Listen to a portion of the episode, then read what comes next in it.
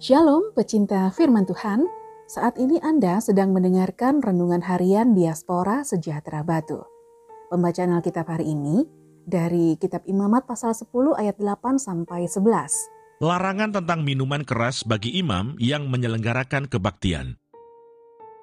Tuhan berfirman kepada Harun, Janganlah engkau minum anggur atau minuman keras, engkau serta anak-anakmu, bila kamu masuk ke dalam kemah pertemuan, supaya jangan kamu mati. Itulah suatu ketetapan untuk selamanya bagi kamu turun-temurun. Haruslah kamu dapat membedakan antara yang kudus dengan yang tidak kudus, antara yang najis dengan yang tidak najis. Dan haruslah kamu dapat mengajarkan kepada orang Israel segala ketetapan yang telah difirmankan Tuhan kepada mereka dengan perantaraan Musa. Ayat Mas hari ini dari kitab Imamat pasal 10 ayat 9. Janganlah engkau minum anggur atau minuman keras, engkau serta anak-anakmu, bila kamu masuk ke dalam kemah pertemuan, supaya jangan kamu mati. Itulah suatu ketetapan untuk selamanya bagi kamu turun-temurun.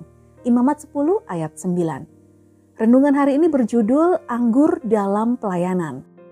Anggur merupakan salah satu buah yang mengandung alkohol dan dapat diolah menjadi minuman. Di wilayah Timur Tengah, minuman anggur digunakan untuk menghangatkan tubuh dan meningkatkan imun. Berdasarkan hasil penelitian yang diterbitkan dalam jurnal Molecular Nutrition and Food Research menunjukkan bahwa resveratrol dalam anggur bisa bekerja sama dengan vitamin D untuk meningkatkan sistem kekebalan tubuh.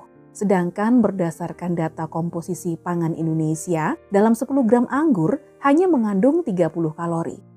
Terlebih, anggur juga tinggi antioksidan resveratrol yang melawan efek radikal bebas dalam tubuh jika diminum sesuai dengan porsinya.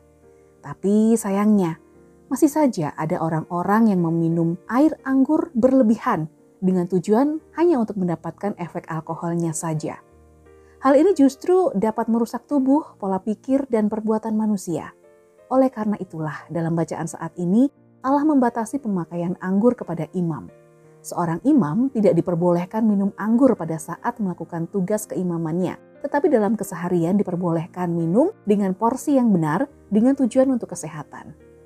Larangan meminum anggur pada saat melayani Tuhan menunjukkan bahwa hal yang cemar tidak dapat berdampingan dengan kekudusan, standar kesalehan, kebijaksanaan Allah, dan akan mempengaruhi kepekaan terhadap pimpinan Roh Kudus. Para imam diharapkan menjadi alat-alat kudus di hadapan Allah dan umatnya. Sebab umat harus diajar jalan-jalan Allah secara bijaksana.